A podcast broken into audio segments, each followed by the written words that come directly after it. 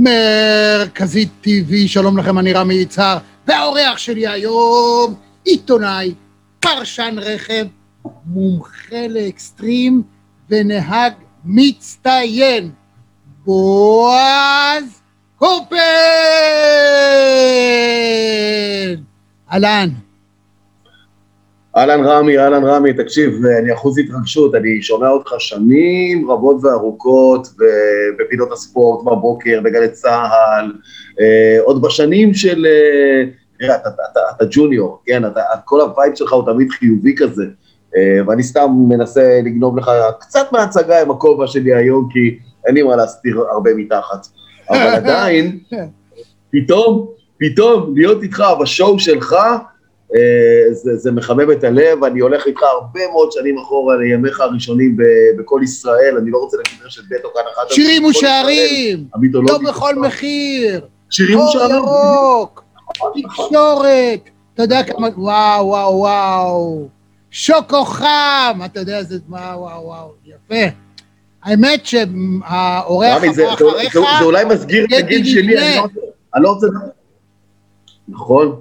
זה מסגיר את הגיל שלי, אני לא רוצה לדבר על הגיל שלך, כי אני לא יודע מהו, אבל זה מסגיר את הגיל שלי במידה מסוימת, אה, ו...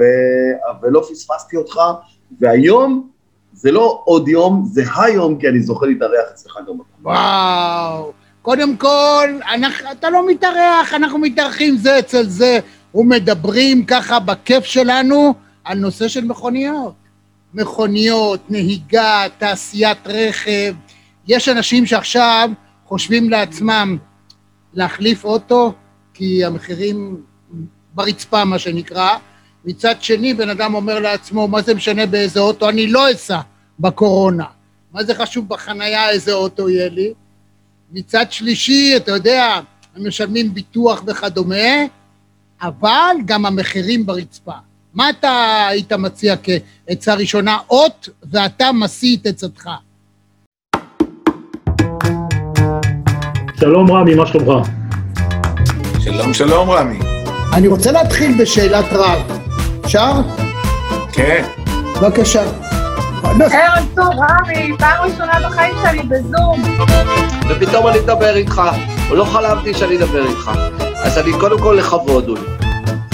חוויה לשמוע אותך בכל שידור, כי העברית שלך חג חגיגה. תודה, חג שמח. איך המשקפיים שלי? מה זה קוליות? חבל על הזמן. שלום לך, יצא לך אולדה? כאילו אנחנו בשוודיה. בטח, כי זה או כזה ענק.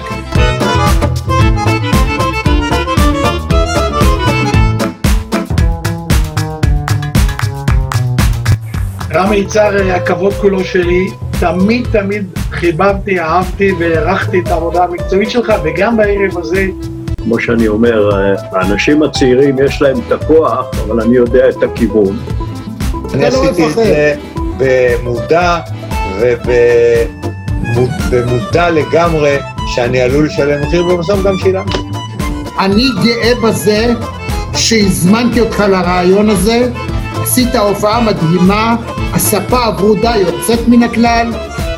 אני כל יום, פעמיים ביום קורא את האתר שלך, ונהנה מהניתוחים ומהכושר ביטוי והיכולת ניתוח.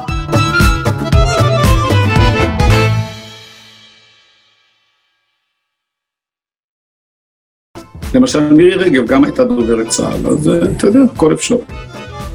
לא היית צריך לגמור את הרעיון הזה עם, עם זה. אני חושב שזה לא, קלקל כי- קצת. זה קלקל קצת. לא. זה קלקל קצת.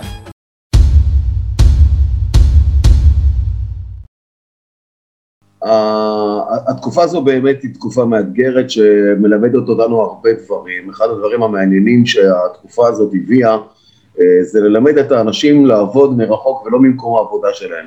להשתמש בשליחויות ולא לנסוע להביא את הדברים בעצמם. אה, וכל זה במקום מסוים, בוא נודה על האמת, מייתר את הצורך בשימוש במכונית פרטית.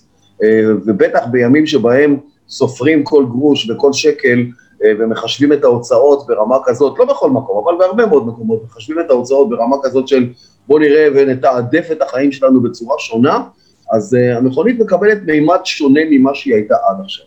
זה התחיל כשמכונית הייתה מוצר מותרות, ככה גם גידלו אותנו ונתנו לנו להרגיש שמכונית היא מוצר מותרות, ומי שיש לו מכונית בכלל בבית זה וואו, ואם זו מכונית יוקרה אז בכלל, ואם יש שתי מכוניות אז בכלל, אה, וזה עבר מהר מאוד מזה שמכונית היא מוצר מותרות, לזה שמכונית היא מוצר חובה בכל בית, אה, לצרכים אישיים, לצרכים משפחתיים, ל, אה, לא רק לברוח מהאישה ולהגיד אני יוצא לעשות סיבוב עם האוטו, הולך להביא משהו, אלא באמת, מכונית הפכה להיות בת בית. בשנים האחרונות, רגע לפני שהקורונה הגיעה, מכונית קיבלה תפקיד אחר, מכונית הפכה להיות אחות, היא הפכה להיות בת במשפחה.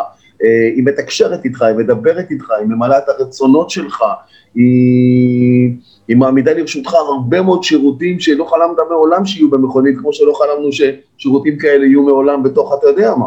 אה, וזה, ושיחת טלפון הפכה להיות הדבר האחרון של הדבר הזה שהראיתי לך עכשיו. אה, אז, אז המכונית שינתה את המקום שלה בחיים של כולנו, ועכשיו היא גם עושה את זה, היא עוד, עוד שינוי. ורגע, וכל זה קורה עוד רגע לפני שתגיע המכונית האוטונומית, שאני בכלל טוען מזמן, רמי, שהיא כבר נמצאת כאן, קוראים לה מונית, הרי אתה נכנס, אומר, קח אותי, והיא נוסעת לבד ואז אתה צריך. אתה יודע, אתה יודע מה? תן לי לגלות לך סוד. האמת, שאתה הנהג האוטומטי של עצמך, הנהיגה בדרך כלל היא כבר פעולה שנעשית מתוך הרגל תת-מודע. כמה פעמים נכנסת לאוטו, התנעת, נסעת, ופתאום אתה מרגיש שהגעת לעבודה, אתה אומר, וואו, איך זה? זאת פעולה שהיא כבר תת-מודעת.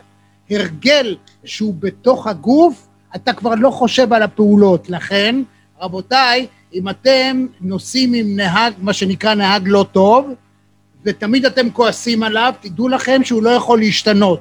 כי once הוא נוהג באופן אוטומטי, הוא יחזור על אותן טעויות. הדרך היחידה שלו להשתנות ולהשתפר, זה אם כל הזמן הוא יהיה מודע. ואז הוא יגיע תשוש למקום העבודה. אבל בואו נחזור לענייננו. זו, זו, כן, זו תפיסה מאוד מאוד uh, מעניינת, ובבסיס שלה, וגם מעבר לבסיס שלה, היא נכונה. כל הפעולות האוטומטיות האלה שקורות, כי אנחנו uh, כבר, זה כבר מוטמע בתוכנו. Uh, אבל, אבל תפיסת העולם לגבי המכוניות העתידיות אומרת שהנהיגה הזאת היא בעצם גוזלת ממך זמן אה, שאתה יכול לעשות בו דברים אחרים שבתעדוף של החיים שלך והצרכים שלך הם נמצאים במקום גבוה יותר, רמי.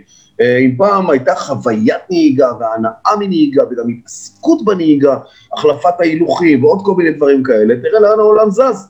זה יוצא ממך וזה מתנתק ממך ואתה בעצם, כל, כל, והיום בכלל שיש פקקים, אז מי צריך את כל העונש הזה אה, של הנהיגה? בוא תן לי, תראה, הדור החדש של חבר'ה צעירים, בני 16 עד 25, מה הם עושים בזמן שהמכונית נוסעת, אם הם לא הנהגים? הם כל הזמן לא בטלפון או בכל דבר אחר. וגם כשאני מציע להם, בואו תנהגו, אומרים לי, לא, עזוב, אני צריך לגלוש, אני צריך לאיזה... יש לי מלא דברים אחרים לעשות חוץ מאשר לנהוג. לנהוג, אתה קורא לזה? זה בכלל לשבת בפקק ולחכות, זה לא לנהוג. הנהיגה הפכה להיות עניין משני, קו נתון חווייתי, וגם כן לפרקי זמן מאוד מיוחדים, בהנחה שאתה נוהג במכונית הנכונה, שיכולה לספק לך חוויה, ואולי יהיה לנו זמן בהמשך, אז נדבר גם מה זאת חוויית נהיגה, איפה נמצאת היום בכלל וכולי וכולי. אז כן, תעשיית הרכב גם... כשאתה מדבר על חוויית נהיגה, בועז, אז נדמה לי שהיום כשאנשים הולכים לקנות את המכונית, הם בעיקר בודקים אם המושב הוא נוח. כי בסוף המגבים ומערכת ההיגוי ומה שאתה רוצה, הכל בעצם זה אותו דבר, הכל מודולרי. עצור פה, עצור פה, עצור פה, עצור פה, כי אתה בעצם, עכשיו מה שעשית, אתה לא דיברת על חוויית הנהיגה, רמי, אתה דיברת על חוויית הנסיעה, ויש פה שני עניינים שונים. יש את חוויית הנהיגה ויש את חוויית הנסיעה. אם אתה בתפקיד של נוסע, כל מה שדיברת עליו זה בדיוק שם. איכות המושב, נוחות המושב, השימושיות, אם יש לך שקע USB לטלפון או אין לך, אה, האם המזגן מקרר אותך במידה מספקת כן או לא, או מחמם במידה מספקת כן או לא, אה, האם יש גג פנורמי ואתה גם רואה את כל העולם, דרך אגב, זה עניין מאוד יפה לקרוא לרמי פנורמי, כי זה יכול להיות גג פנורמי. אה, קול. אז כל זה קשור לעולמות של חוויית הנסיעה, ותעשיית הרכב מסתכלת גם על הדברים האלה, כי כשהמכונית תהיה אוטונומית, הקומודיטי האמיתי, כי הנהיגה כבר לא תהיה שם, יהיה נמצא, הקומודיטי האמיתי, הסיפור האמיתי, הסחורה האמיתית, יהיה בתוך המסכים שיהיו בתוך המכונית, שיקרינו עליהם את כל הסדרות האחרונות של נטפליקס, את כל תוכניות האוכל שאתה תעבור ליד איזה מסעדה שתפתה אותך להיכנס פנימה ואפילו יעלה איזשהו ריח מתוך, ה, מתוך המסכים האלה כדי לגרות. את החושים שלך. לספר לך על כל, על כל, ה, על כל המבצעים בכל החנויות שהדרך, שהמכונית לוקחת אותך בדרך. המכונית הבאה שלך, רמי, תהיה מקושרת למקרר, למכונת הכביסה, לדוד של, ה, של הבוילר של המים החמים, אה, ואם אה, אם לא קנית, אם החלב אמור להיות פג תוקף, המקרר ידע את זה, והמכונית תבדוק מה קורה שם, והיא תגיד לך, רמי, החלב פג תוקף, תעבור כאן לקנות חלב, אני אקח אותך בדרך, יש מקום שאני מכירה, שגם החלב במבצע, ואם אתה קונה אותו, אז גם הלחם והלחמניות והשוקו וואו. והזה. כל החיים יתנהלו אחרת, הפגישות שלך עם כל הזה יהיה על, על המכונית, את הפגישות תעשה מתוך האוטו. החיים פה בעוד 20-30 שנה, באמת, אתה ואני נהיה כאן, בעוד 20-30 שנה, הולכים לראות אחרת לגמרי. וואו. תעשיית הרכב תוביל אותנו למקומות אחרים, ואז המכונית תצא מהפוזיציה של להיות אחות, והיא תהפוך להיות מנהלת. אבל אני יודע מה תגיד לי, אתה מכיר גם את זה, אשתך. אתה אומר, כבר יש לי... תשמע, פעם אבל, יחד עם זאת, כל מה שאתה אומר זה ממש, זה גם חווייתי. ואגב, אני רוצה להגיד לך שהאופן שבו אתה מספר, הוא מייצר vibe חיובי וכיפי, שזה דבר מאוד מאוד חשוב, וזה אגב ההבדל שאתה, כשאני מראיין נגיד פוליטיקאי, שכל הזמן בראש שלו להגיד את המשפט הנכון, או מה יוציאו מזה דבר מהקשרו ויעשו מזה, יעשו לו בלאגן, או אנשים מהסוג הזה, ש... עם בן אדם מדבר בכיף. אין יותר כיף מזה בחיים. אז תשמע, קודם, שני דברים אני רוצה להגיד לך בעניין של הרכב, שהוא, שאני מבקש את ההתייחסות שלך. דבר ראשון, פעם, לא לפני הרבה זמן, בן אדם חיפש מכונית ספציפית, מסוימת. היום, אפילו בלוחות, זה הולך לפי מחיר. זאת אומרת, אני מחפש אוטו, יש לי 50 אלף שקל. ואז אתה כותב ביד שתיים, איפה שזה לא יהיה, באינטרנט, אוטו, אני יודע, יד ראשונה, עד 50 אלף קילומטר, ואתה מקבל את ההיצע. זה יכול להיות כזה, כזה, כזה, שנת, אני יודע, 2015, 16, 17, ואז הבחירה שלך היא שונה מאשר לפי פרמטרים של פעם. דהיינו, המותג איבד מערכו עבור סוג מסוים של בני אדם, בגיל מסוים. לך היום לחברות הייטק, במגרשי החנייה, מה אתה רואה?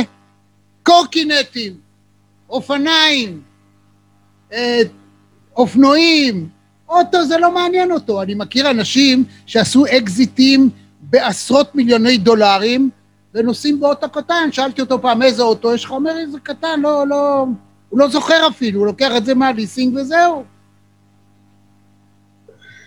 אה, זה- כל מה שאתה אומר זה נכון, אבל מי, מי בעצם עובד באותן חברות, גם אם יש כמה חבר'ה מבוגרים יותר או ותיקים או מנוסים יותר כמוך וכמוני, עדיין הרוב השולט זה, זה חבר'ה צעירים ש... שמע, אם אתה ואני לא מסתובבים שם ביום-יום כדי להבין את ה vibe שלהם ולאן הם רוצים ללכת ואיך הם רואים את תפיסת העולם של החיים שלהם ומה מתחבר נכון או לא נכון, אז אנחנו לא נבין את זה, אבל אם אתה ואני כן נמצאים שם, אז אנחנו באמת יכולים להתחבר ולהגיד, וואלה, החבר'ה האלה אומרים, למה אני צריך להחזיק לא פרה, רפת, ולא בשביל כוס חלב, בשביל שלוק חלב. למה? אם אני גר במקום כזה, ורוב העבודה שלי היא מהבית, וכל הבילוי שלי והיציאה שלי זה חמישה רחובות למטה, אל הפאב השכונתי, אל המכולת השכונתית, אל אה, בית הקולנוע, זה כבר לא מה שהיה פעם, אז אני לא יכול להגיד את זה, אבל אתה יודע, אל המקומות שאני פוגש את החברים שלי, לחוף הים, למס... לא צריך כבר להחזיק את הדבר הזה. תראה, אני לא יודע אם עשית פעם את החישוב, רמי, אבל מכונית, עזוב את הקטע שכמה היא עלתה לך, מהרגע שקנית אותה והיא עומדת אצלך בחנייה, ולא נהגת בה ולו מטר אחד ולא התנעת אותה כך שגם דלק יצא מהמשחק, עצם התחזוקה שלה שהיא נמצאת שם, העלות של הביטוח והעלות של הטסט והעלות של כל הדברים, כל התקורות האלה שאתה מכניס פנימה, גם אם לא נסעת מטר, אתה משלם מאות שקלים, מאות שקלים על חפץ שיושב שם, הרבה יותר. ממאות. לדעתי, אם קנית מכונית, עולה לך לפחות, גם אם לא נסעת בכלל 2,500 או 3,000 שקל בחודש, אם תיקח בחשבון גם את אובדן הערך של המכונית. וקנית מכונית בדיוק. ב-150 אלף שקל, תוך שלוש שנים היא שווה 80 אלף שקל, תכניס את זה למספר החודשים, פלוס הביטוח, ההוצאות האחרות וכדומה, הלך עליך, לא לדבר כבר על החנייה בתל אביב. אתה חד, אתה חד וזה נכון, אז אה, תכניס גם את הבלאי, למרות שהיא עומדת, היא אוכלת בלאי, כי כשהיא לא נוסעת, אז הצמיגים שלה מתבלים והם מתקלקלים כי נשארים במקום, חלקי המנוע שלו עובדים, אתה יודע. בקיצור, יצא שמהרגע שקנית את הדבר הזה, אתה מפסיד עליו כסף כל יום, ואתה גם משלם את הכסף הזה כל יום. אבל אז תבוא תפיסה ותאמר, אז תנצל אותו, בסדר, אז אם אתה מנצל אותו, אז זה עולה לך בדלק, בבלאי וכולי, אבל אי אפשר להיפטר מהדבר הזה. אז בא הדור הצעיר ואומר, הנה, אפשר להיפטר מהדבר הזה. אני גם לא צריך את הבעלות על הקורקינט, ופה אני חייב להגיד לך שנכנסת תפיסת עולם חדשה של תעשיית הרכב העולמית, ומי שמוביל אותה בגדול זו חברת טויוטה, ואני לא עושה לה כאן פרסומת, כי הם, הם הבינו, הם הראשונים שהבינו, שמודל הבעלות על המכונית שייך לפעם, הוא כבר לא יהיה יותר. אנשים לא יצטרכו להיות הבעלים של המכונית, כי אם תסתכל בחנייה שלך ואתה תגלה את המכונית, תגלה שאתה הבעלים שלה באמת שעה ביום, חצי שעה ביום, לפעמים שעה ביומיים, ככה אתה הבעלים שלה, רוב הזמן היא יושבת שם. למה שלא תהיה מכונית, או יהיו הרבה מכוניות שיסתובבו כל הזמן, תיכנס, תצא, hop in, hop off, hop out, hop on, hop off, הופ, אוף, והכל בסדר, פנימה החוצה, אתה לא צריך להיות הבעלים של הדבר הזה, אתה גם לא משלם על זה. תגיד, מה המונית? אבל מונית עולה הרבה מאוד כסף תכלס בשביל נסיעות יומיומיות, אבל אם יש כאלה הרבה שמסתובבות, מודל הבעלות הולך להשתנות גם על המכוניות. טויוטה הבין את זה, וטויוטה הולכת לה, להוביל את זה, לא שהיא לא רוצה למכור מכוניות, היא רוצה למכור מכוניות, אבל היא תציע, היא תציע פשוט עדרים, חניונים, מגרשים עצומים מלאים במכוניות, שאתה לא צריך אותה בעלים שלהם, אתה לא צריך אותה, גם לא הליסינג וגם לא השכרה וגם לא שום מודל אחר. תגיע עם הטלפון, תפק, תקבל אפליקציה, תפתח את זה, תיכנס, תלך, תצא. יש את זה גם היום, גם בישראל, אתה יודע, יש כמה חברות כאלה שמוציאות, הציעו לפחות את התל אוטו, ובחיפה יש איזה פרויקט מאוד נחמד עם מכוניות חשמליות שאתה יכול לקחת ולעשות את זה. מכוניות שעומדות שם לשימוש ציבורי של כולם, ניסו את זה בגרנובל שבצרפת, זה עבד יוצא מן הכלל, מנסים את זה במדינות אחרות uh, בעולם, בערים מרכזיות, גם כדי להקטין את נושא זיהום האוויר, יש לך, יש לי סיפור אדיר בשבילך על כל נושא זיהום האוויר כדי להבין איך עולם הרכב הזה עובד, אבל זה, לשם זה הולך, זה יהיה המודל, לא נהיה הבעלים של המכוניות יותר. כל הסיפורים האלה, דרך אגב, נוחים, מתאימים, טובים ויפים לארצות הברית, לאירופה, לחלק ממדינות אסיה, וזה הכול. לאפריקה זה לא יכול לעבוד, כי באפריקה המרחקים עצומים, וכל המודרניזציה ש, שאנחנו רואים אותה כאן, עם מכוניות חשמליות וטעינה ומטענים וחישובי נסיעה וכולי, זה לא יכול לעבוד באפריקה, כי מכפר לכפר, מעיר לעיר, אתה צריך שם מאות קילומטרים, ורק מכוניות דיזל, כי מכוניות בנזין ואין תחנות. אז רק מכוניות דיזל צריכות להיות שם, לא חשמל ולא בנזין יכולים לעבוד, רק דיזל, דיזל, דיזל. אוסטרליה, אותו דבר, אתה מכיר, היית, ראית, נפגשת. אם אתה לא בצד של, אה, בצד של פרת', בצד אחד של המדינה, או בצד של סידני, בצד השני של המדינה, באמצע זה פשוט מדבר ענק, או לטוס, ואם זה לנסוע, אז כל, ה, כל האוסטרלים נוסעים ב utes־ים כאלה, שזה בעצם טנדרים שהם של דיזל והם נוסעים. אז גם אוסטרליה וגם אפריקה, שהן יבשות ענקיות, צפון אמריקה, איפה שיש לך שטחים ענקיים, דרום אמריקה, זה לא יעבוד שם, זה לא יעבוד. אז אנחנו מסתכלים על עצמנו כאילו אנחנו נהנים מהדברים החדשים וממציאים את הכדור, זה יקרה בארצות הברית, במקומות מסוימים, זה יקרה באירופה, ברוב המדינות באירופה, כי אלה צדקנים וחייבים לשמור על העולם ולנקות את המצפון שלהם, שלא נזהם ולא נזהם ולא נזהם, וזה יקרה במדינות כמו שלנו, כי יש לישראל יתרון אדיר, ישראל היא מדינה קטנה שסגורה בגבולות שלה, אין לך לאן לברוח מפה, זה כמו מלכודת עכברים, בטח עד שלא יהיה כל השלום שביבי מביא אלינו, ונוכל להתניע ולנסוע לסוף שבוע בדרום אפריקה, זה לא יקרה כל כך מהר. אבל אנחנו סגורים, קטנים, המרחקים פה לא גדולים, 100 קילומטר נסעת לפה, 50 קילומטר לשם, במקרה הכי טוב עשית תל אביב אילת או תל אביב לחרמון, אתה לא עושה את זה כל יום, כי אם אתה כבר נוסע לאילת אתה נשאר שם ארבעה ימים, או אם לחרמון אז גם שם אתה נשאר איזה שלושה ימים. אז הכל מתאים לנו ברמה הטכנולוגית הקטנה, אבל ברמת העולם הגדול זה ייקח עוד הרבה הרבה זמן עד שכל השינויים הגדולים האלה יכולים. למעשה, אם נחזור לעניין המכונית שאתה מדבר אליה, הקונבנציונלית שאנחנו מכירים, להערכה, אני ליימן לא מבין בדברים האלה שום דבר חוץ משאני נכנס לאוטו ונוסע. ואני חייב להודות כאן, היה לי את כל סוגי מכוניות היוקרה מבחינת המותגים. BMW ווולבו ומרצדס, עכשיו אני נוסע באאודי, לא מצאתי הבדלים גדולים בינם לבין מכונית כל מכונית אחרת במידה מסוימת.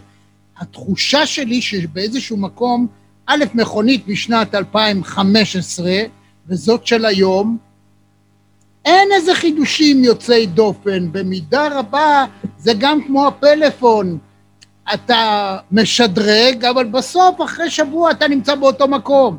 החלפת מכונית, אתה מאושר, עברו שבועיים, אתה שוכח שהחלפת, וזהו, העושר הוא קצר מועד, וכך זה בכל דבר שקונים. עכשיו, אמרו שבשנת 22, 23, 24, בעצם תהיה מהפכה מושלמת, יזרקו את כל המכוניות של היום, זה כמו הסוסים של פעם, ויהיה חשמלי, יהיה אוטונומי, איפה, באמת, לחכות, לא לקנות, מה לעשות?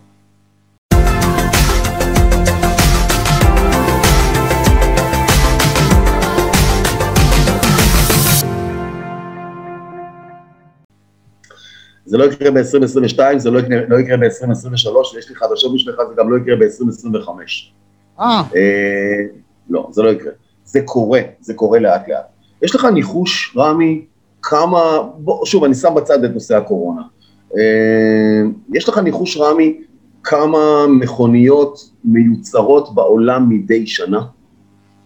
מה הכוונה נמצאות? נוסעות על כבישים? לא, לא, מיוצרות בבתי החרושת. אה, מיוצרות. צל צילו של מושג, אבל זה נמדד במיליונים. נכון, זה נמדד במיליונים, זה נמדד בעשרות מיליונים. מדי שנה אה, מיוצרות בעולם הגדול סדר גודל של 90 מיליון מכוניות חדשות כל שנה, אני לא מדבר לא על משאיות, לא על אוטובוסים, לא על קטנועים ולא על אופנועים, מכוניות פרטיות כמו שלך וכמו שלי. אתה יודע כמה מתוכן, אתה יכול לנחש כמה מתוכן חשמליות? מיליון. שני מיליון. חמישה מיליון. יפה אמרת. יפה אמרת, רמי, נכון, נכון, נכון, נכון, נכון. אה, אנחנו מדברים על מיליונים ספורים, בודדים, אם כי כשאתה מודד משנה לשנה, העלייה במספר המכוניות החשמליות גדולה. הם אה, ממיליון עולים לשני מיליון, לשלושה מיליון, ארבעה מיליון כלי רכב חשמליים, ואז אתה אומר, רגע, זה גידול מטורף של מיליונים מדי שנה. נכון, לשם זה הולך. מה מעודד את העולם לעבור למכוניות ח- חשמליות? התשובה היא, תקן זיהום האוויר. לא הרצון למנוע את הדלק, כי חברות הדלק משחקות פה עם כל העולם ועושות מה שהן רוצות, לא העיניים היפות שלך ולא העיניים הפחות יפות שלי, אלא רק תקן זיהום האוויר. אתה יודע כמה מכוניות מיוצרות מדי שנה בסין לטובת השוק הסיני? הסינים כמעט ולא מוציאים מכוניות החוצה, הם עושים את הרוב עבור עצמם. אני אעזור לך, רמי. 40. 30 מיליון, 30 מיליון. כן, שליש מכל הכמות העולמית מיוצרת מדי שנה, מדי שנה, לא במצטבר, לסין עבור הסינים עצמם. טוב, יש שם למעלה ממיליארד או קרוב למיליארד וחצי בני אדם, זה, מ-30 מיליון זה מספר קטן, אבל הם עדיין זיהמו את האוויר בצורה כזאת, שבייג'ין ושנגחאי היו מכוסות בארפיח, והיום אתה לא יכול לייצר מכוניות בנזין בסין, אלא רק מכוניות חשמליות, וכשהסינים קונים אותם, ופתאום גם העולם קונה אותם, אז הם מתחילים לייצר החוצה, כי הסינים בעצם עלו על הפטנט. כשהעולם יגמור את כל השטויות שלו עם תקני זיהום האוויר, אז הם יבואו עם המכוניות החשמליות שהן כבר מוכחות ומנוסות והכל טוב, והם צברו ניסיון על זה שנים על גבי שנים, והם יכבשו את העולם עם המכוניות החשמליות שלהם. אני חושב, רגע, בועז, אני חושב שבעניין של המכוניות החשמליות, העניין הוא טכנולוגי. זה בדיוק כמו שכשהתחיל הפלאפון, אי אפשר היה להכניס את זה, זה היה בולפה ענקית כזאת, ולא הצליחו לשווק את זה. עד שהגיע איש פרסום מאוד מתוחכם בארץ, ושינה את הסיסמה, ואמר שפלאפון הופך שעה אבודה לשעת עבודה. בשעת עבודה, נכון. עכשיו, במכוניות החשמליות, להבנתי, הבעיה העיקרית היא טכנולוגית. כשיהיה מצב שבו אתה יכול להטעין בלי שום בעיה, ברגע, בשנייה, אם זה מהשמש על הגג, או אם בכל מקום יהיה תקע ולא תהיה בעיה, אז כולם ייסעו בזה ואף אחד לא ירצה את הדלק, זה ברור. עד שהטכנולוגיה הזאת לא תושג, או שלא תהיה סוללה, בטריה שהיא ארוכת טווח נצחית, מה שנקרא, אז זה לא יוחדר, כי פה הבעיה היא לא צרכנית או זיהומית אה, או פוליטית, אלא פשוט טכנולוגית. תקן אותי, אם אני טועה. לא, לא, אתה לא טועה, אלא שאתה מסתכל על, אתה אה, בעצם אה, הצגת פלח די רחב, אני חייב להודות, די רחב מהסוגיה הזאת. קודם כל, את האיש הזה שאתה דיברת עליו, הוא כבר הומצא. קוראים לו אילון מאסק, והוא הביא חברה שקוראים לה טסלה, וטסלה... תכף פיצלה- נדבר עליו, פרק שלם. רגע. רגע, רגע, שנייה, שנייה, שנייה. אה, אילון מאסק הביא את אה, טסלה, והטסלה הזאת, אה, מה מיוחד בה? מעבר לייצור ולמסך הענק שיש שם בתוך התא נהג שכולם עפים על המסך הזה, יש לה סוללה שעושה את הנסיעה ל-600 קילומטר. כי כל הרעיון היה, אתה יודע, כי יש לנו, גם לנו היה איזה אילון מאסק שלנו, קראו לו אגסי, שהיה אגסי, והוא בא עם רעיון לא רע בפני עצמו גם כן. אבל כל הרעיון של, של טסלה היה לייצר סוללה שזמן הטעינה שלה לא יהיה ארוך מדי, שמשך השימוש שלה יהיה כמו טנק דלק, ועכשיו ציינת את המכוניות שהיו לך, אבל מה זה משנה, כי כולם נסעו את אותו מרחק פחות או יותר על טנק דלק, 500 קילומטר עד 700 קילומטר, תלוי איך נסעת וכמה נסעת, וגם זאת סוגיה, כי יש מכוניות לאנשים שגרים בערים וכאלה שנוסעים אה, על חוף הים. הוא אומר, אם יהיה לי סוללה כזאת, והמחיר שלה יהיה סבבה, וזמן הנסיעה שלה או משך הקילומטרה שהיא תיתן לי יהיה מספיק נוח, אז מה הבעיה? פתרתי את בעיית הקרינה, לא צריך לדבר על זה, זה לא קיים, לדפדף את זה הלאה, זה בולשיט, כי אנחנו כבר מסרטנים את עצמנו עשרות שנים עם השטות הזאת, ולא קרה כלום, אז הכל בסדר, אז בעיית הקרינה איננה. ו- ובא לציון גואל, והוא עשה את זה, והוא ממשיך לעשות את זה, והוא בנה עכשיו ג'יגה פקטורי לא רק בארצות הברית, ברינו שבנבדה, אלא גם בסין, כדי לייצר את הטסלות הבאות שלו בסין, ולמכור אותם לאמריקאים ולעולם הגדול דרך סין. הבעיה הגדולה ביותר כרגע של תעשיית הרכב העולמית, החשמלית, היא משאבי האנרגיה, לא משאבי האנרגיה, סליחה, המשאבים, המחצבים, המחצבים שמהם מייצרים סוללות. כי האויב הגדול של תעשיית הרכב, שוב פעם אני צריך להראות את זה, זה הסלולר. כי הם צורכים את הבטריות.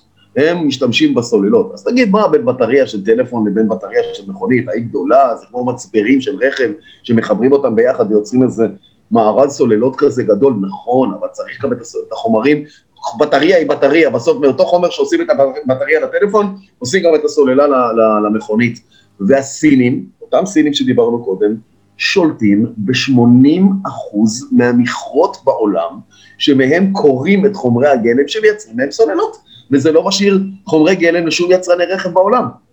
ויש מלחמה על כל מכרה של מנגן. רוב חומרי הגלם ש, שצריך זה מנגן וקובלט, כל מיני שמות של חומרי גלם כאלה שקוראים אותם מהאדמה. אז מה?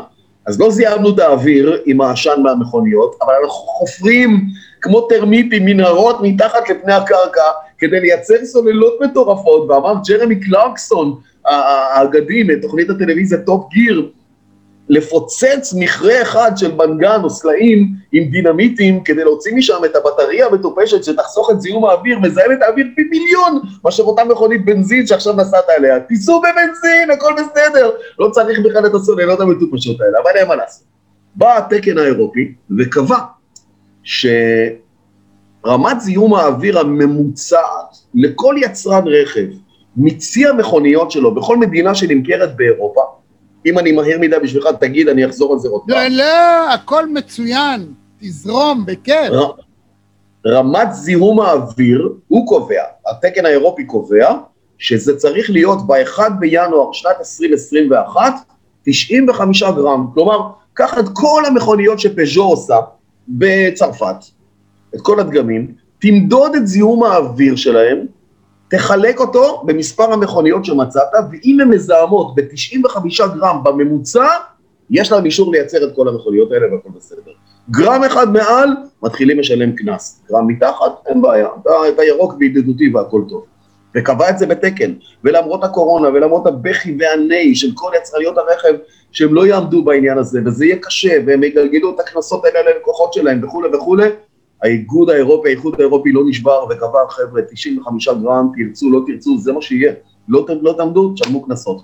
הקנסות המשוערים לחברות הרכב שלא יעמדו בתנאי הזה, שקולים לאזור ה-45 מיליארד יורו. קנסות, 45 מיליארד יורו. ולכן הם עושים כל תעלול אפשרי בעולם, וצריך להגיד תודה לפולקסווגן ששיקרו אותנו בארצות הברית והמציאו את הדיזלגייט, את הפרשה של המנוע המזייף והמזהם, כדי שהם בעצמם יעברו לחשמל כמו גדולים ויגררו את העולם אחריהם, וגם יביאו את תקן ה-WLTP, שזה מדידת זיהום האוויר וצריכת הדלק האמיתית, ולא מה שכתוב בקטלוג, אני עושה 1 ל-20, אני עושה 1 ל-30, אני עושה 1 ל-50, אני עושה 1 ל-70, לא היה ולא נברא, זה הכל המצאה.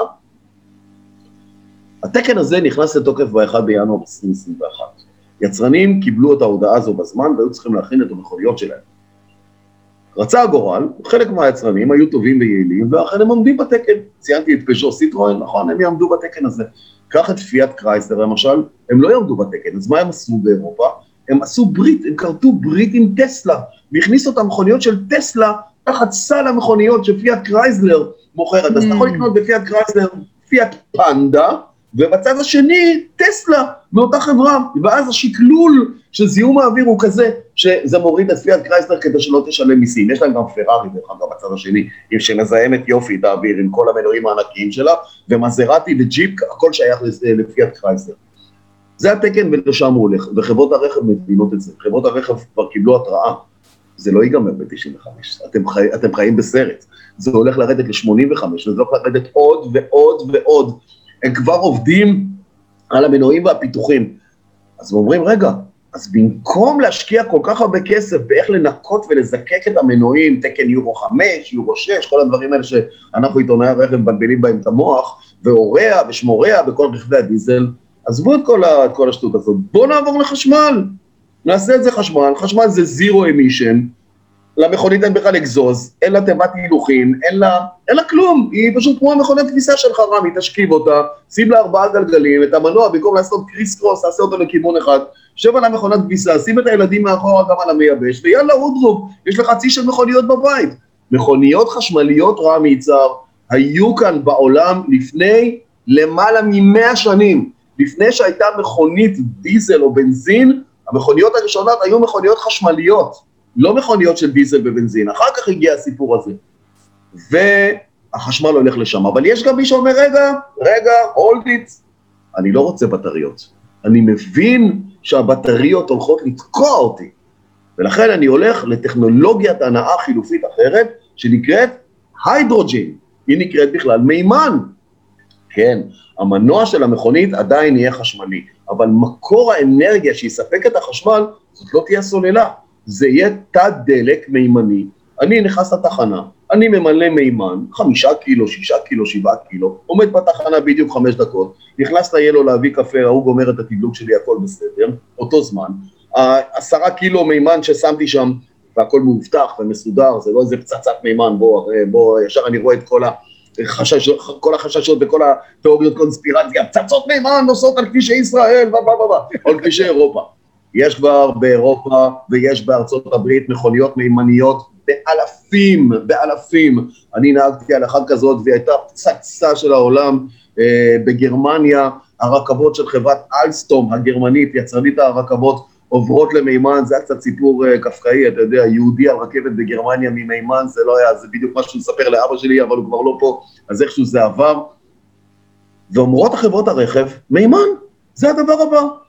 כנס, מימן יש באוויר, יש במים, אנחנו נעשה מפעלים, יפרידו את המימן מהזה, נאחסן אותו בתחנת דלק, רמי לא ירגיש, זה באותו צד, עם אותו אקדח, ייכנס, במקום אקדח צהוב, ישים אקדח כחול, ישים מימן, ישלם 4 יורו לקילו, הוא צריך רק 5 קילו, זה יעלה לו 20 יורו, כמו שיעלה לו הדלק, ויאללה, סע לשלום, לאיזה מרחק? 500-600 קילומטר. הפלטה, יש לחצן כזה בצד של האוטו שנסעתי עליו, שאתה לוחץ עליו, אז הוא מהאגזוז מוציא מים. מילינו כוס מים, מים חמימים כאלה, שתינו, אתה כמו מים מזוקקים שאתה מחמם אותם, אבל זה זה, מים, הכל בסדר, כמו שהמזגן שלך יוציא מים ואתה משקה את הפרחים, או נותן לך תולים ברחוב. זה, לשם זה הולך, מדינות הבינו את זה. אתה יודע שבראשית המאה הקודמת, לפני יותר ממאה שנים, אה, מועצת העיר לונדון קיימה שורה של התייעצויות בנושא מאוד מאוד מהותי. אי אפשר היה כבר להסתובב בעיר לונדון בגלל שלא היה, לא ידעו איך לפנות את הקקי של הסוסים. פשוט אי אפשר. האורוות היו מלאות, לא היה איפה לשים, איפה להלין את הסוסים, קשה היה להשיג את הקש ובעיקר לפנות את הקקי שלהם. ואמרו, מה יהיה, מה יהיה, זה יהיה אסון. כשאני מסתכל הפעם האחרונה שהייתי בלונדון, בטוקיו לפני הרבה מאוד שנים, לקח שלוש שעות להגיע משדה התעופה למרכז העיר, למלון שדומה למגדל אייפל, או ב... אני יודע, בתאילנד, איפה שלא תלך, אתה יודע, הפקקים הנוראים, אתה רואה את זה גם אצלנו, וכל פעם שאני, שמעתי ממך היום שאתה טיפה איחרת בגלל שפתאום עם הקורונה עדיין נכנסת לפקק, בסוף יצטרכו לפתור את זה באיזה דרך. ופעם עוד נצחק, מישהו בעוד מאה שנה יספר בכזאת תוכנית על הפקקים של הפעם, ואיך אני סיפרתי על הסוסים שלפני מאה שנה. בואו נדבר טיפה על עתידנות. אני באיזשהו מקום, בדמיוני, רואה מצב שבו לא יהיו יותר מכוניות. או שיהיו כבישים ואתה עולה ויורד, קופץ, כמו, אני יודע, כמו, כמו בשדות התעופה בהונג קונג ואחרות, כזו רכבת אוטומטית כזאת שנוסעת ועוצרת, או דברים אחרים שיהיו, אבל ככה זה לא יכול להימשך. לא יכול להיות שבן אדם יבלה שלוש שעות, אם הוא גר בראשון ועובד בתל אביב, שלוש שעות ביום ושמונים, תשעים שעות בחודש יבלה בנסיעה וחזרה מהעבודה. לא יכול להיות. בוא, בוא, בוא נדבר טיפה עתידנות. לא יודע בעוד כמה זמן, בוא לא נדבר על זמן.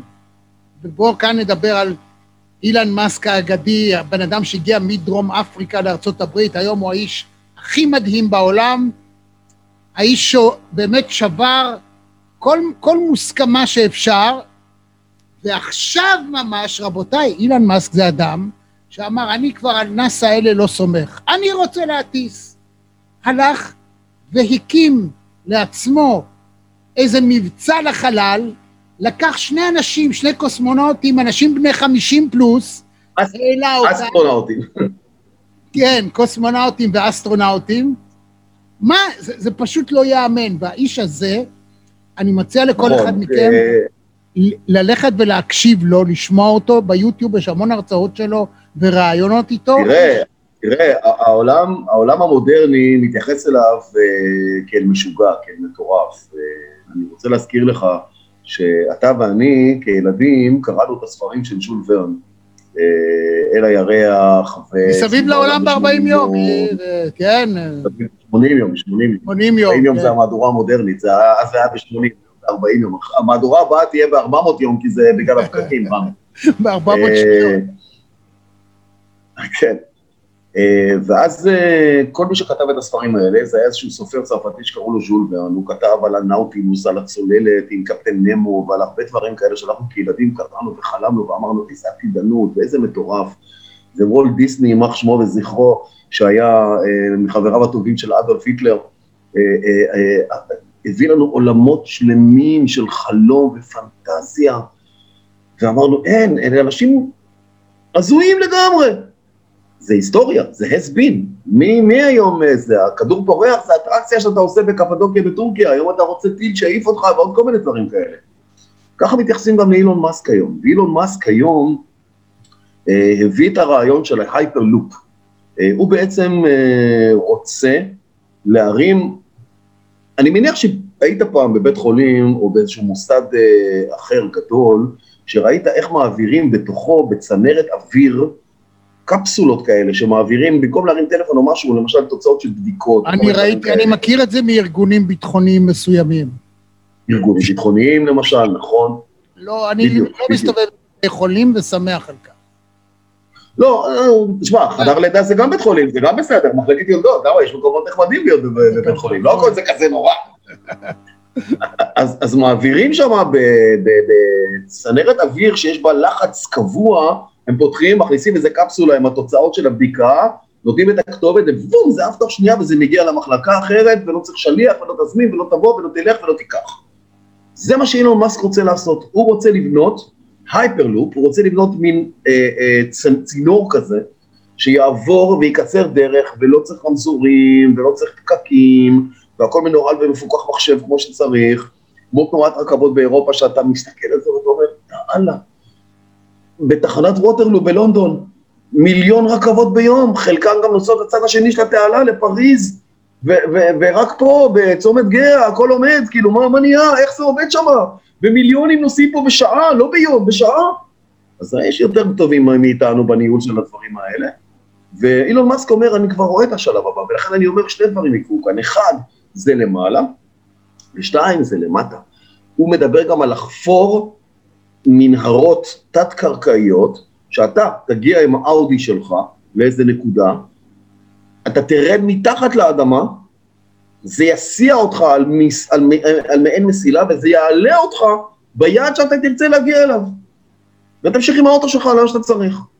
והוא גם מדבר על המודל הזה, שהמכונית החשמלית גם תעשה לך כסף. כי בזמן שאתה ואני עכשיו מדברים, והאוטו שלך נמצא שם למטה, אוקיי? מישהו יבוא, ייקח אותו, כי הוא יודע שאנחנו מסיימים עוד רבע שעה, אז הוא ייקח אותה לרבע שעה שהוא צריך, יחזיר אותה, בינתיים אתה תקבל כסף על כל דקה שהוא נסע בה, והכל יהיה נחמד וטוב, וכולם רק ירוויחו מהסיפור הזה, וזאת העתידנות. אני מזכיר לך את, את התקופות, תקופות הביניים, לא של ימי הביניים, אז היית באמת תינוק. אני מדבר איתך על תקופות הביניים הטכנולוגיות שבין בין התקליט לבין הדיסק, בין הדיסק לבין ה-DVD, בין ה-DVD לבין הדיסק און קי, ובין הדיסק און קי, שגם הוא היסטוריה, לבין הקובץ. כי אנחנו מדברים היום על קובץ, אתה ואני עכשיו מדברים על קובץ. מה שאנחנו עושים עכשיו, שאתה עושה אותו בשנייה וחצי, יצרת דיון בזום, בשיחה ורואים את שנינו, זה כבר ישן, רמי, זה כבר ישן, אוקיי? אז כל, ה, כל הערימות של המגזינים שהחזקנו והקלטות שהחזקנו, אבל אני מזכיר לך את התקופות ביניים. מי היה מאמין, רמי, שדווקא פיליפס, שהביאה את רעיון קלטת ה-VHS הגדולה והכבדה והמסורבלת, עם הנפח הגדול שלה והמוגבלת, ינצח את הקלטות הקטנות של סוני. פיליפס מול סוני הייתה מלחמה ענקית. מי היה מאמין שהתקליטורים הגדולים האלה, הלייזר דיסקים, יובסו על ידי, ה, על, על ידי התקליטורים הקטנים? מי היה מאמין שטכנולוגיית הלייזר, הבלו, לא תהיה פה? עד שהגיע, וראינו דיסקים שאתה יכול לראות אלף סרטים עליהם, לא צריך את זה, זה נכחד בכלל עוד לפני שזה בכלל הרים את הראש. יש כרגע, למה אני אספר לך את כל הדברים האלה? יש כרגע מלחמה אדירה על סכומים שאפילו דעה של בן אדם לא מסוגל להבין, לא מסוגלת להבין. יש מלחמה עולמית אדירה על מה תהיה הטכנולוגיה הבאה, מה ינצח פה, מה יהיה כאן. האם זה בכלל יהיה מטוס אישי, אנושי, מכונית מעופפת, ואז אתה בכלל, איך תעבור טסט, או איך תלמד שיעורי נהיגה, זה לא נהיגה, זה בכלל שיעורי ריחוף. אתה לא צריך להיות נהג, אתה צריך להיות רחפן, וכל חוויית הנהיגה שאיתך התחלנו את הסיפור הזה בכלל, לא תהיה קיימת בכלל, היא תיעלם מן העולם. אתה תיכנס, תגיע איזה פלטפורמה, תרים אותך, תיקח אותך ותיסע. בתערוכת CES, שאתה בוודאי זוכר אותה לטובה, תערוכת האלקטרוניקה הידועה בלאס וגאס, איזה אלקטרוניקה, על מה אתה מדבר, רמי יצהר? זו תערוכת מכוניות, זה הפסיק להיות מזמן כבר תערוכת אלקטרוניקה. טויוטה, או לא זוכר מי זה היה, לקסוס אני חושב, הציגו שם מכונית, אתה נכנס פנימה, לפי הפרצוף שלך, ורמת הסוכר בדם שלך, ורמת הדופימין שהמוח שלך מפריש, יודעת להגיד תוך עשירית שנייה איך אתה מרגיש.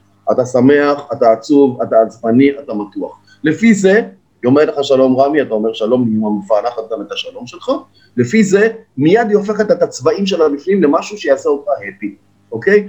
אז אתה בכלל לא נוסע במכונית. אתה לא נוסע במכונית, אתה נוסע בכלל בחבילה של ציפרלקס, זה מה שיקרה לך. עכשיו, היא גם אומרת לך, בדיוק, אכלת, היא יודעת אם אכלת, אם שתית, אם אתה רעב, אם אתה צמא, והיא יודעת גם להתאים את המוזיקה למוד שלך, ואתה האיש של כולו מוזיקה ומוד, והיא יודעת להתאים את זה לפי כל הדברים שאתה עושה. היא יודעת גם לקחת אותך לפי המוד שלך בדרך הנחמדה הביתה, בדרך הקצרה הביתה, בדרך הארוכה הביתה שתירגע, לשים אותך באיזה בר כדי שתשתה מה... המכונית הזאת, היא תהיה כל החיים שלך, וזה יהיה רק בעוד 30-40 שנה, זה לא יהיה עוד אלף שנה, 30-40 שנה. דיברת על כל השאטלים האלה, מתי היית פעם אחרונה בציריך? לא מזמן בטח. אתה יורד בציריך, אתה לבד, אף אחד לא אומר לך, פעם היו שמים גם דיילים ודיילות כאלה שיגידו לך, תלך לפה, תלך לשם, תראה את הכרטיס, אין יותר, כל שנתים, חצי שעה לפה, עשרים דקות לכאן, תרד שתי פלטפורמות, תעלה על הרגלת, האם הגיע, אין לה בכלל נהג, אתה רק שומע את היידי בת הערים ואת העיזים עם הפעמונים, ואתה אומר, מי נוהג בדבר הזה, ואלוהים ישמור, שייקח אותי בדיוק למקום הנכון. וזה לוקח אותך למקום הנכון, והדלת נפתחת בזמן, ואתה מגיע למטוס שלך, והוקוס פוקוס, הכל עובד. אתה פתאום נהיה סוג של time passenger, אתה נהיה נוסע בזמן, הכל עובד לבד, הכל אוטומטי, הכל מנוהל, ושלא נתבלבל. מסתכלים עלינו כל הזמן מלמעלה, רמי. יש עיניים שמסתכלות כל הזמן ורואות מה אנחנו אוכלים ומה אנחנו שותים ומה אנחנו רוצים ואיפה עצרנו, ואם הסתכלת על הסטארבקס או הסתכלת על הרובין, כדי לנווט את החיים שלך, זה מה שהולך להיות. והמכונית תהיה חלק מהקונספירציה המטורפת הזאת, אבל מה אכפת לנו? בעיקר שאנחנו נהנה. בדיוק, אני לא בטוח שזה קונספירציה, למרות לכל דבר יש צד חיובי ושלילי. אתה יודע, סכין, אתה יכול לחתוך איתו סלט ואתה יכול לרצוח מישהו, אז הכלי הוא כלי, מי שהמציא פצצת האטום, אז הכוונה שלו הייתה חיובית, את הטכנולוגיה הזאת, ומישהו הפך את זה גם לפצצה, יש אנרגיה. אלפרד נובל המציא בכלל את הדינמיט, ומה עשו עם הדינמיט הזה? מצד אחד. הרגו אנשים ועשו פצצות, מצד שני, סללו את כל הדרכים באמריקה ובסין כדי לבנות את הרכבות ואת הדברים הכי טובים. אה, עם, עם כל דבר אפשר באמת לראות את, ה, את הטוב ואת הרע. השאלה לא- לאיזה כיוון אתה מוביל את זה. אז תראה, שני דברים. דבר ראשון, הואיל והזכרת את ג'ול ורן, אז צריך להגיד תמיד, כל ההמצאות הגדולות ביותר הן קודם כל חלום או רעיון במוחו של אדם. כל רעיון. שאתה מעלה בדעתך, אחר כך יכולים לשבת אנשים ולהגיד איך עושים את זה. בלי שיהיה קיים הרעיון, אי אפשר להמציא משהו. יכול, לפעמים יש מה שנקרא גילוי, יש הבדל בין המצאה לגילוי, שאתה במקרה מגלה משהו, גם זה יכול לקרות, אבל בדרך כלל ההמצאות הכי מדהימות הן המצאות שקודם כל במוחו הקודח של מישהו, אחר כך יושבים אנשי מעשה, מחשבים, בדרך כלל זה מתמטיקאים, ומשם זה הולך ומתגלגל. אילן מאסק היום הוא אדם שאם הפקקתם 250 מכוניות שלו, אני סתם אומר את המספר האפסי הזה, השווי שלו בבורסה יותר גדול מתעשיות הגדולות ביותר בעולם, הוא לא מייצר כלום. למה? כי כולם משקיעים במוח שלו. אומרים, זה האיינשטיין הבא. האיש הזה הוא אדם שקודם כל יש לו אופי הזרדי, סוג של מהמר, הוא הולך בכל הכוח, הוא החליט שהוא טס לחלל, הוא טס לחלל. זה לא ייאמן, זה לא לקח 200 שנה. האיש יישם בכוחו הקטן והדל, היה לו 40 מיליון דולר, כל מה שהוא הרוויח, השקיע בדבר הזה, והצליח. כאן בארץ, אתה יודע, מרוב המהומות שאנחנו חיים בהן, אנחנו לא מסתכלים על העולם הגדול ועל האנשים הבאמת גדולים. האיש הזה, אילן מאסק, קוראים, יש לו שם כאילו הוא ישראלי, הוא לא ישראלי, שום קשר. לא, לא, זה לא אילן, זה, הוא נקרא אילון. מאסק. אילון, כן, אילון. אילון. מאסק שמו, אני לא יודע אבל מאיפה זה בא, אילון, הוא מדרום אפריקה, איש לבן, הוא מדבר באופן די מוזר, זאת אומרת שתשמעו רעיונות איתו, צריך סבלנות, או כשאתה עושה את זה בפודקאסט, תעשה במהירות 0.8, קצת יותר לאט. כדי ואז את זה, נכון. כן. הוא אדם מדהים.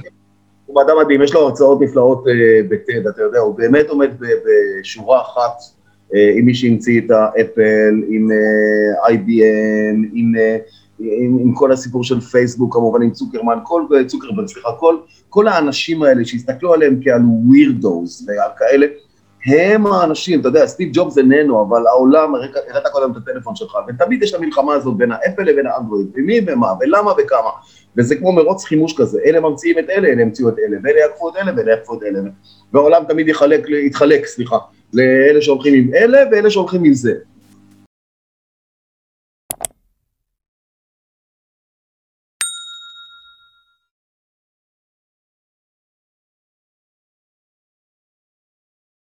תראה, אין אמת אחת ואין סדר אחד, זה, זה, זה הדבר היפה, ואתה גם יכול להחליף, כמו שאתה אמרת, אז הייתה לי מכונית כזאת, הייתה לי מכונית אחרת, והמכונית אה, היא, היא כמו בגד כזה, אתה יודע, זה כמו שבארון שלך יש אה, אלפי כובעים ומאות חולצות, ו, והרבה משקפיים, והרבה דברים יפים שאתה אוהב, וכמו שאתה שם על עצמך, זה זה, ועוד רגע תהיה פה מכונית, שיודעת להיות גם ספורטיבית, וגם אלגנטית, וגם חסכונית, וגם מאוד פרקטית, שהמושבים שלה מתקפלים ואתה יכול לעשות איתה, אתה יכול להעביר איתה את הבית, אה, ואתה יכול מיד להפוך אותה למכונית ספורט והיא מונמכת. לשם מנסים לכוון. ודיברת על זה בתחילת השיחה שלנו, ואתה לא טעית בכלל על כל עדרי המכוניות, ש... על כל הכאוס שיש פה, אה, רמי. אם ידענו שיש מכונית משפחתית, מכונית ספורט, מכונית קטנה וטנדר, שבדרך כלל יש איתו אה, איש מקצוע, פתאום יש מיליון דגמים ומיליון מותגים, והקטגוריות מטושטשות אחת בתוך השנייה, ואתה רוצה קצת מזה וקצת מזה, אתה רוצה איזה ג'יפון, שיהיה לך כזה לשבת גבוה ולהרגיש שאתה ב control ונורא נחמד ואופנתי, אבל אתה רוצה להיות חסכוני, אבל אתה רוצה גם שאתה נותן גז, שהוא ידע לרוץ חזק ברמזור ולפתוח חזק קדימה. אה, אתה רוצה הכל מהכל, אבל אתה צריך גם לדעת להתפשר, כי אי אפשר את הכל מהכל. וזה פתאום מסתבר שזה הולך עם, זה, זה די אופנתי עם הגיל, זאת אומרת זה די אה, מאפיין של עניינים של גיל, אה, כי אני גיליתי לאחרונה, לא שהמצאתי את זה, אבל גיליתי לאחרונה, שככל שאנשים מתבגרים יותר, הם יותר שקולים בנסיעה, דברים פחות בוערים להם, אה, גאדג'טים כאלה ואחרים שיש בתוך האוטו כבר לא כל כך מדברים אליהם, כי הם יכולים כבר too much עם כל ה... אתה יודע, אתה יכול לקבל פה עכשיו איזה מחלת נפילה, אה, איזה התקף אפילפטי עם כל, עם כל האורות ש, שיש שם, וזה, וזה פסיכי לגמרי, וכל העיבובים, ו-78 צבעים רק ללוח השעונים, ו-250 צבעים לה, לה, להגה ולדוושות ולזה, ומוזיקות, וזה קקפוניה אחת גדולה כשאתה סוטה, כשאתה חוזר, כשאתה בא, כשאתה הולך, כשאתה נוסע קדימה, כשאתה נוסע אחורה, מצלמה מפה ומצלמה משם. מה זה כל הקרנבל הזה? מה זה כל, כל, כל הקרקס המטורף הזה? אני בסך הכל רציתי להגיע מפה לפה ותעזבו אותי בשקט. אבל השדה, השדה שבו יצרניות הרכב נלחמות, זה השדה הזה. ועוד שדה אחד, שהולך להיות טוב דרך אגב, הוא שדה הבטיחות. הוא שדה הבטיחות. אה, לאט לאט, במכוניות יוקרה שאתה נסעת בהן לאורך הקריירה הנחמדה שלך, אה, גילית מן הסתם שאתה פוגש יותר פיצ'רים בטיחותיים שקיימים שם ולא קיימים בדגמים העממיים, למרות שזה הולך ומחלחל לשם עם השנים, ממציאים זה לשם, זה יקר, אתה שילמת, אבל אחרי כמה שנים שעשו מזה הרבה וכבר חיפשו את הדבר הבא, זה כבר ירד למטה למכוניות האחרות וזה הפך להיות הרבה יותר עממי וזול. הדבר הבא זה מבחן, מבחן הכוכבים הידוע של ה Euro NCAP, דרך אגב, כמו שיש Euro NCAP, יש Asian CAP, יש Australian CAP, רק ארה"ב יש לה את המכון בטיחותי שלה, אבל הטכניקה היא בערך אותה טכניקה, מבחני הריסוק, וכל מערכות העזר שעוזרות לנהג לא לעשות שטויות, או אם הוא עשה, איך לתקן את זה לפני, רגע אחד לפני.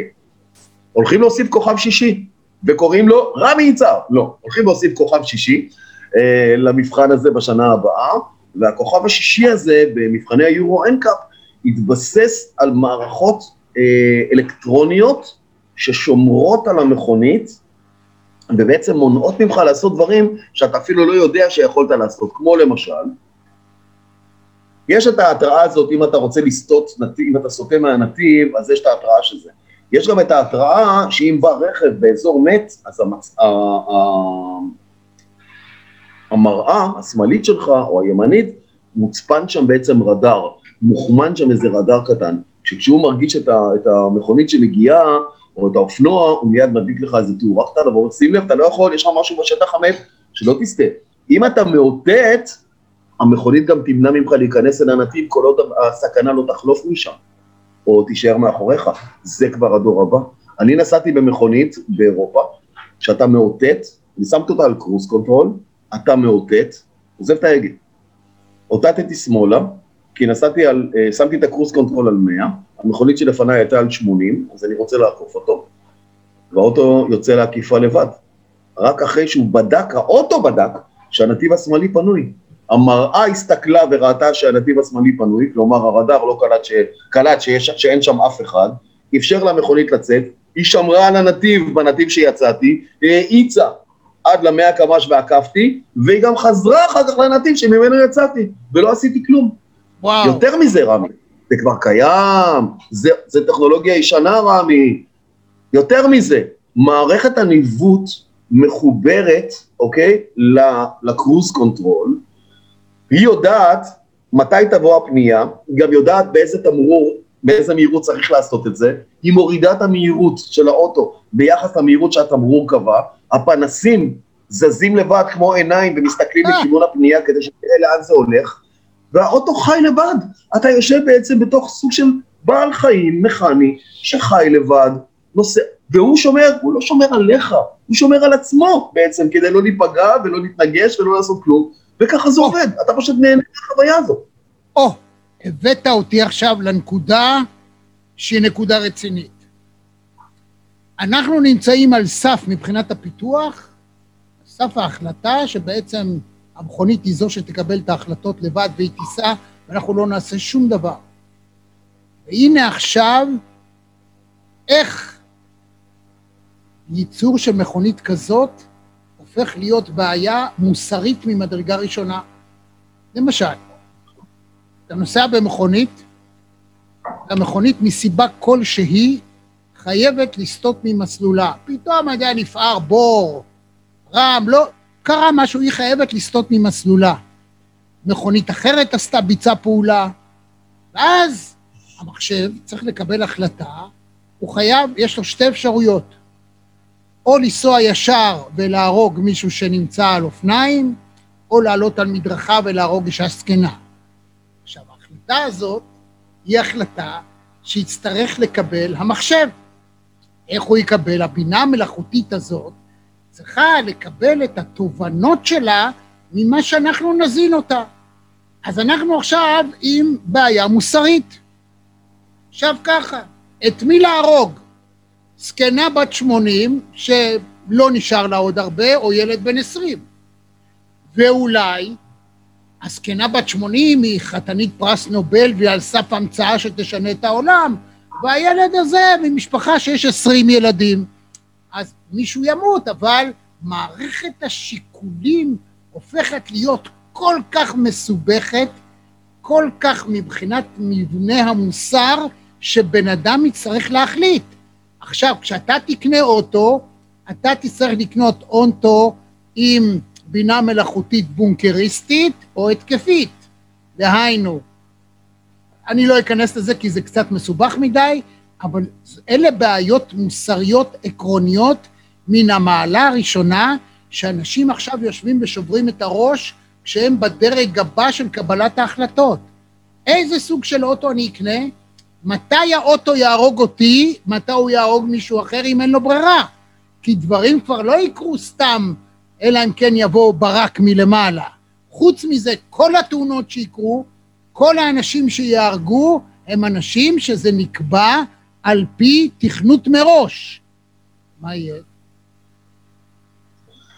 אה, זה היה נאום מאוד אה, מרגש, אה, שלא יקרה. לא יקרה. לא יקרה. לעולם, לעולם, לעולם, מכונה לא תחרוץ גורלו של אדם, לעולם, על פי חוק. לפי מה שאתה מתאר, שזה אחד מהשיקולים של הפילוסופים המוסריים שבהם דנים, שמדברים על מכוניות אוטונומיות בעתיד, כי אתה לוקח אותנו אל המכונית האוטונומית. אה, צריכים להיות בה עוד כמה מנגנונים שהזנו אותם, כמו שאמרת קודם, אבל המכונית צריכה להיות מספיק מהירה ולהגיב מספיק מהר, זה לא משנה אם זה מכונית, זה יכול להיות גם קופסה, עכשיו לצורך העניין, קוראים לה מכונית, אבל הפלטפורמה הזאת שאתה יושב בתוכה. צריכה להיות מספיק מהירה כדי לעשות סריקות DNA ו-IQ ולעשות על פי התוצאות שהיא תקבל, של אותה גברת אה, ישישה או של אותו נער צעיר, ולקבל את ההחלטות בפרק זמן כל כך קצר כדי לבצע גם את הפעולה, זה לא יקרה.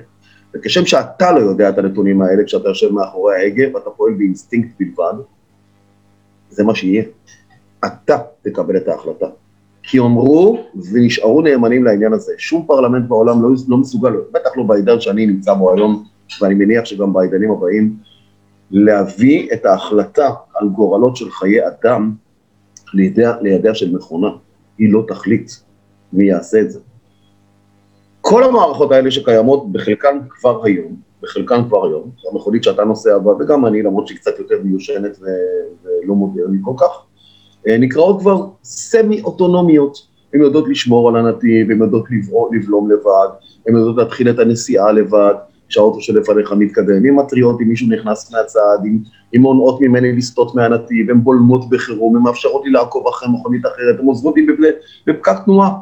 אה, הן מצלמות את הדרך, הן מקליטות את הדרך, יש לי אפילו ווייז שממליץ לי על כל מה שאני צריך לעשות בדרך, קצר, ארוך, יפה, מהיר, עם תשלום או בחינם. אבל ההחלטה היא שלי, והיא לעולם תישאר שלי. ואם אתה תרפה מההגה... בועז, רגע, רגע, רגע, שנייה, שנייה, אבל אמרנו שאנחנו לא בעולם קונספירטיבי. רגע, אני אגיד לך, אני, שנייה, אני רק אגיד לך, אתה יודע מה ההפתעה? לא. ההפתעה היא שבדור הבא, של הבינה המלאכותית, שתי המכוניות שיצטרכו להתנגש, הבינה המלאכותית שביניהן ייצרו ביניהן. כן, ויקבלו תדבר. החלטות לטובת העניין. אני מדבר איתך על עתידנות שלושה שלבים קדימה. דהיינו, אני... רמי, רמי. רמי, רמי, רמי, רמי, רמי. התקשורת, התקשורת הזאת שנקראת V2V, vehicle to vehicle, אוקיי? כבר קיימת. וכל הפיתוחים, לרבות פיתוחים ישראלים, כי תעשיית הרכב הישראלית, תעשיית הרכב הישראלית, אתה יודע, מאז שהרכיבו פה סוסיתות לא הייתה תעשיית רכב ישראלית, אבל תעשיית הרכב הישראלית היא בעצם תעשיית ההייטק והיידיש שקוב שנותן כאן עבודה, אה, אה, מביא את יצרניות הרכב ולוקח אותם למקומות שבהן כמה שפחות נהג, כי הנהג, כי הגורם האנושי הוא בעצם הגורם שיוצר את הטעות ואת התאונה, וגם זה שנפגע ממנה בסופו של יום. אם אתה תנתח את רוב התאונות בעולם, סליחה, אם תנתח את כל התאונות בעולם, אתה תגלה שרוב התאונות בעולם מקורם ב- בגורם האנושי. שיחקנו בטלפון, או שיחקנו בטלפון, או שיחקנו בטלפון, או שיחקנו בטלפון, לפעמים קצת שיחקנו בטלפון ושיחקנו בטלפון.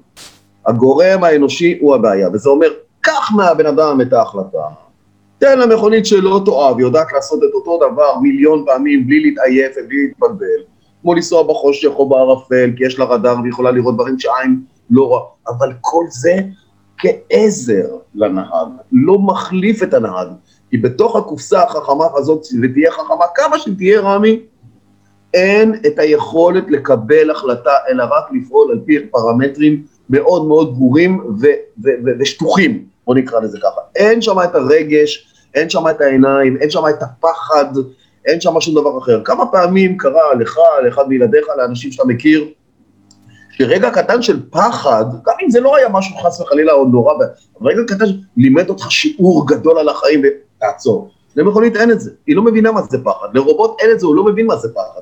רובוט יכול לעמוד, לסגור את הדלת 80 אלף פעם ביום, הוא לא יתעייף ועדיין, עד שהדלת תישבר ולא הרובוט. אין בעיה.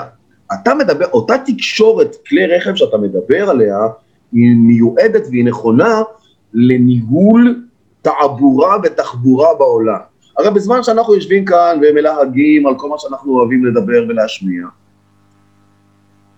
באוויר, אם אנחנו לא בקורונה, מתעופפים להם מאות אלפי מטוסים, לא אלפי מטוסים ולא עשרות אלפי מטוסים, מאות אלפי מטוסים. אז איך זה שיש כל כך הרבה תאונות, שיושבים בהם אנשים כל כך הרבה חכמים במכוניות, ויש כל כך הרבה מטוסים שיש להם רק נהג אחד, ולא קורות תאונות בשמיים? איך? איך זה מספר התאונות האוויריות של התנגשות מטוסים הוא כלום לעומת מה שקורה, לא מדבר בים, בים באמת המרחבים עצומים, אבל באוויר. איך זה שמגדלי הפיקוח והמחשבים של המטוסים יודעים לעשות את זה ולנהל את התחבורה? כי הם מדברים אחד עם השני, וזה בדיוק דרך מגדלי הפיקוח, וזה בדיוק מה שהמכוניות יעשו. בימים אלה מוצבת בעיר אשקלון, ולדעתי בעוד כמה ערים בישראל, מערכת חכמה שמוצבת, תתקרב לצומת, אתה תראה עמוד גבוה, ובראש העמוד אתה תראה מעין קופסה כזו גדולה, ועוד רגע יתחילו להגיע צילומים, מצלמים אותנו, וזה וזה, אתה יכול לראות בוואטסאפ את כל החרטוטים האלה. זאת מערכת שמנטרת את התנועה בתוך הצומת, היא מצלמת כל הזמן מי מגיע, אתה יודע, אתה עומד שם ברמזור, אין אף אחד כלום, הצומת מת, אתה אומר, למה אני צריך לעמוד שעה באדום? למה אין מי שעומד כאן, כמו השוטר של פעם, שדיווחת את הדיווחי רדיו שלך בבוקר, שלוחץ על הכפתור ומשחרר את התנועה בציר? זה- אדוני, אני. שידרתי מהמסוק עם- נכון, נכון. לבקרת הרמזורים. אני יודע, אני יודע, רמי, אני הייתי איתך שם בוקר בוקר, נכון, נכון, נכון. נכון. אני יודע, חמוד. אז היום הקופסה הזאת רואה את כל מה שמתחולל בצומת, משדרת את המידע למערכת בקרת הרמזורים של אותה עיר, והתנועה תזרום בצורה יותר טובה. ואתה יכול להגיע בוקר אחד לרמזור הזה, או ערב, או לא משנה, לעמוד בו דקה, ואתה יכול להגיע יום אחד ולעמוד יום חמש דקות. ואז אתה אומר, מה זה הפקקט הרמזור הזה? פעם זה ככה, פעם זה ככה, תסתכל סביב, תראה את התנועה, ואז תבין למה זה משתנה.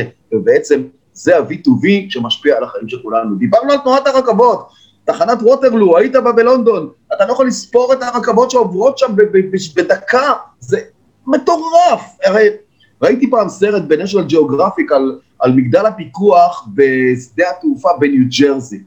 זה לא השדה הכי גדול באמריקה, יש גדולים ממנו, וזה היה ב- ב- בשדה שם בניו ג'רזי, אה, הם קוראים לזה ניו יורק, אבל זה בצד השני. מה שפקח טיסה עובר שם, בכמות המטוסים והשיחות שהוא מנהל, תקשיב, אני לא יודע מאיזה חומרים האנשים האלה עשויים. ואתה רוצה שרובוט יחליף את זה כדי לקבל את ההחלטה? לא יקרה. שלושה מקצועות בחיים הם המועדים ביותר להתקפי לב. אחד, פקח טיסה, שתיים, מנתח, שלוש, עיתונאי. אה, כן. באיזה גיל הסיכון שלנו, רמי? כל הזמן, תשמע, אם אתה הולך, אה, כל הזמן. You never know, אתה. יודע, לחצים, קבל הצעה, קבל הצעה מאחיך הצעיר, אני יודע להשאיר את כל החיים שלי בצד של ההפי. כאילו, אה, אני מנסה, אתה יודע. אני, אני חבר נשיאות מועצת העיתונות, ועכשיו בדיוק יצא תקנון האתיקה החדש, ובו אנחנו מאוד מאוד ניסינו להכניס את כל החידושים בתקשורת כדי אה, להגן על העיתונאים, אבל בכלל, אתה עושה, קודם כל, זה כיף ענק לדבר איתך. דבר שני, זה נכון, תמיד צריך בפרופורציה, אתה יודע, לא לקחת את החיים ברצינות, כי בינתיים עוד אף אחד לא יצא מהם חי, וליהנות מכל ה- רגע שאפשר. אה, אני באמת, זאת אומרת, אתה באמת חושב כמוני שיפחת מספר המכוניות, במקום שתי מכוניות בבית, בכל משפחה תהיה מכונית אחת. אה, לא דיברנו על האוברים למיניהם, על ה... על ה... דיברנו בטיפה על העניין של השכירות של הרכב, על הקורקינטים וכדומה, אבל תן לי איך אתה רואה את השנים הקרובות ממש, עם כמה עצות, כן לקנות עכשיו אוטו, לא לקנות אוטו, מה עדיף, ליסינג. לא